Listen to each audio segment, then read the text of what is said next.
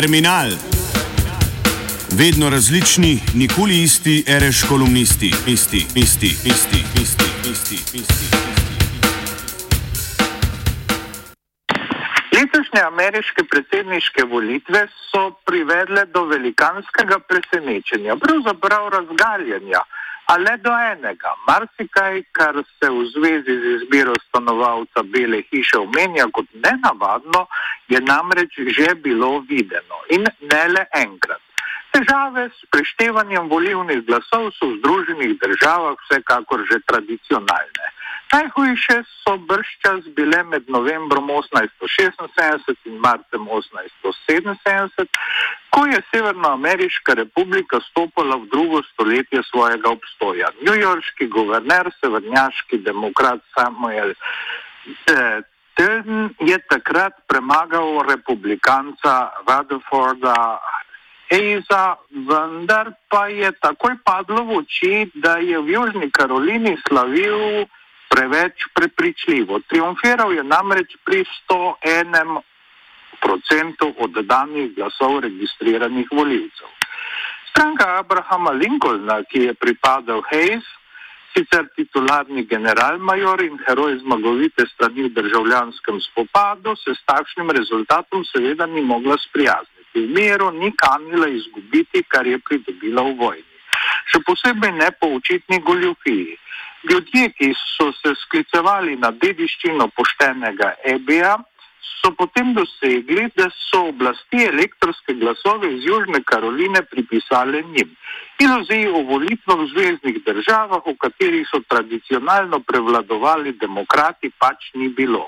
Še globoko v 20. stoletje so bile znane kot rezultatsko povsem predvidljive. Tako je Franklin Roosevelt ob sklepu druge svetovne vojne nagovarjal Stalina, da bi v pribalskih republikah, ki si jih je Sovjetska zveza priključila v času ciničnega družabništva s Hitlerjem, tvegal volitve v misisipijskem slogu. A sovjetski generalist jim ni zaupal niti največjemu in najbolj izkušenemu med ameriškimi demokratskimi predsedniki. Glasovanje, pri katerem človek nima monopola nad razglašanjem rezultatov, se mu je zdelo hazardiranje. Združene države pa leta 1876 niso imele križov in težav samo v Južni Karolini, kjer je hidra secesije po izvolitvi Abrahama Lincolna najprej dvignila glavo.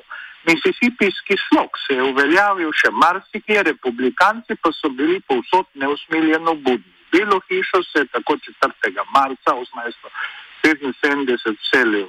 Hayes, Tilnovi pristaši pa so bili odškodovani s precej na široko sprejeto spremembo imena novega predsednika. Rutherford je v ljudskih ustih in ušesih postal Rutherford. A v času robustne obnove po državljanski vojni se na malenkosti ni oziralo. Zmagovalci so bili vajeni biti uspešni za vsako ceno in nič presenetljivega ni, da so se jim pridružili mnogi, zlasti tisti s posebej velikimi potrebami in idejami. Legendarni unionistični general Grant, ki je Združenim državam kot predsednik služil v letih 1869-77, je imel celo toliko upravka s praktičnimi vizionarji, da je zadnje širše uveljavil oznako lobisti oziroma po naše verižniki. Ljudje, ki so raje kot z močjo hoteli doseči izpolnitev svoje volje z vplivom, so namreč čakali na odločevalce pred stopnišči in hodniki oblasti, ter jih tam neutrudno dajali, tam neutrudno dajali neodklonljive ponudbe. Tako so se pri doseganju ciljev izognili celo senci lastne odgovornosti. Prav tako ni nič novega, ne moč medijev, ki so bili nekoč zadovoljni, če so jih imenovali sedma sila, sedaj pa se razglašajo za četrto vejo oblasti radio študent je seveda izuzet.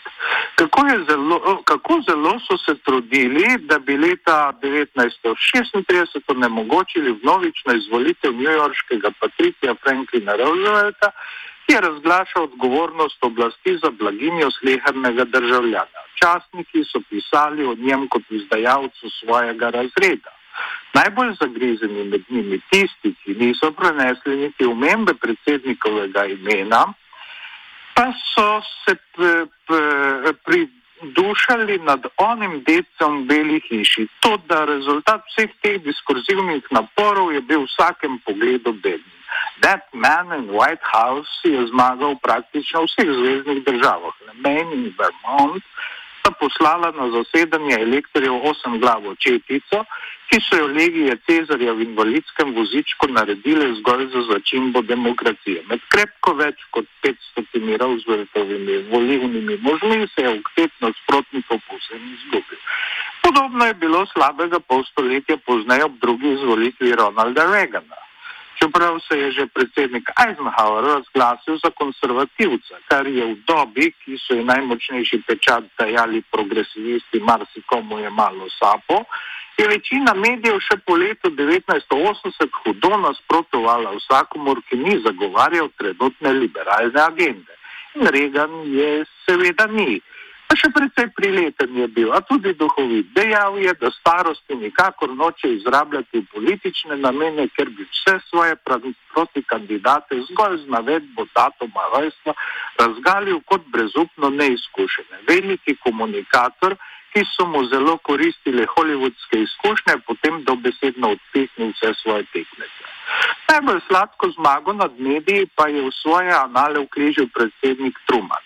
Časopisje ga je leta 1948 na podlagi anket že kmalo odpisalo. Omaloževalo ga je kot naključnega predsednika, ki se je v Belo hišo vselil po smrti nesmrtnega Franklina Roosevelta. Ta Truman se je potem podal na veliko turnejo po Ameriki in voljivce ognjevito upozarjal na to, da je bila druga svetovna vojna edina, ki nista sledili gospodarska kriza in beda. A če jo kdo hoče, naj kar glasuje za njegove nasprotnike. Predsednikova živa beseda je premagala packasto tiskarsko črnilo. Po zmagi na volitvah se je Truman lahko celo fotografiral časnikom Chicago Daily Tribune, ki je preuranjeno oznanil, da je izgubil boj z republikanskim kandidatom, guvernerjem Georgeom Deweyem. Samo predstavljamo si lahko, kako bi žarel obraz Donalda Trumpa, če bi uspel na enak način triumfirati nad mediji. Vsekakor je posebnost letošnjih ameriških predsedniških volitev druge v reakciji poraženca. Donalda Trumpa je bilo videti po njih celo s solzami v očeh. Vsi pa vemo, da pravi junaki nad svojo zlo usodo ne jočejo, temveč jih kljubujejo in jo potem z železno voljo in mrzlično dejavnostjo preukrenejo.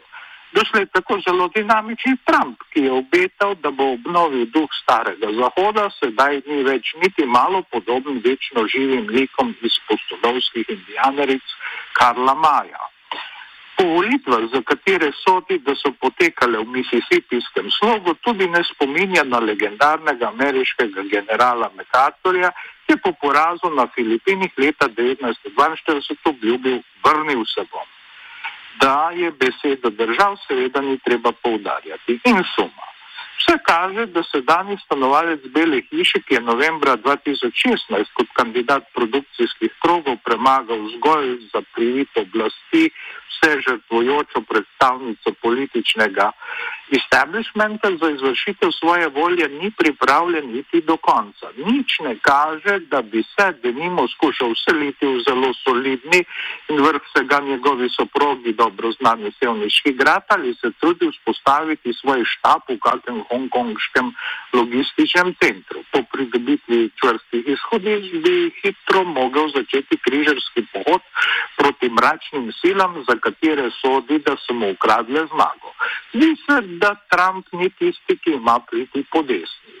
Pekingu ob tem enako kot včasih legendarnega časnikarja Jurija Guštenčiča modro molčijo.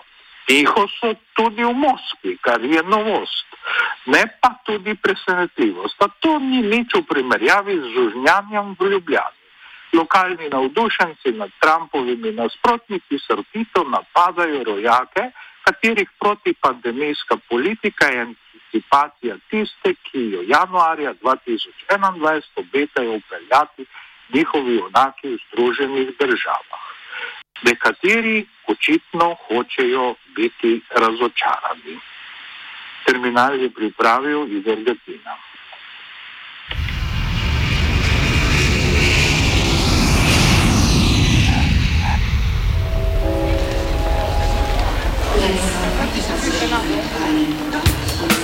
Terminal. Vedno različni, nikoli isti, ereš kolumnisti, isti, isti, isti, isti. isti isti. isti.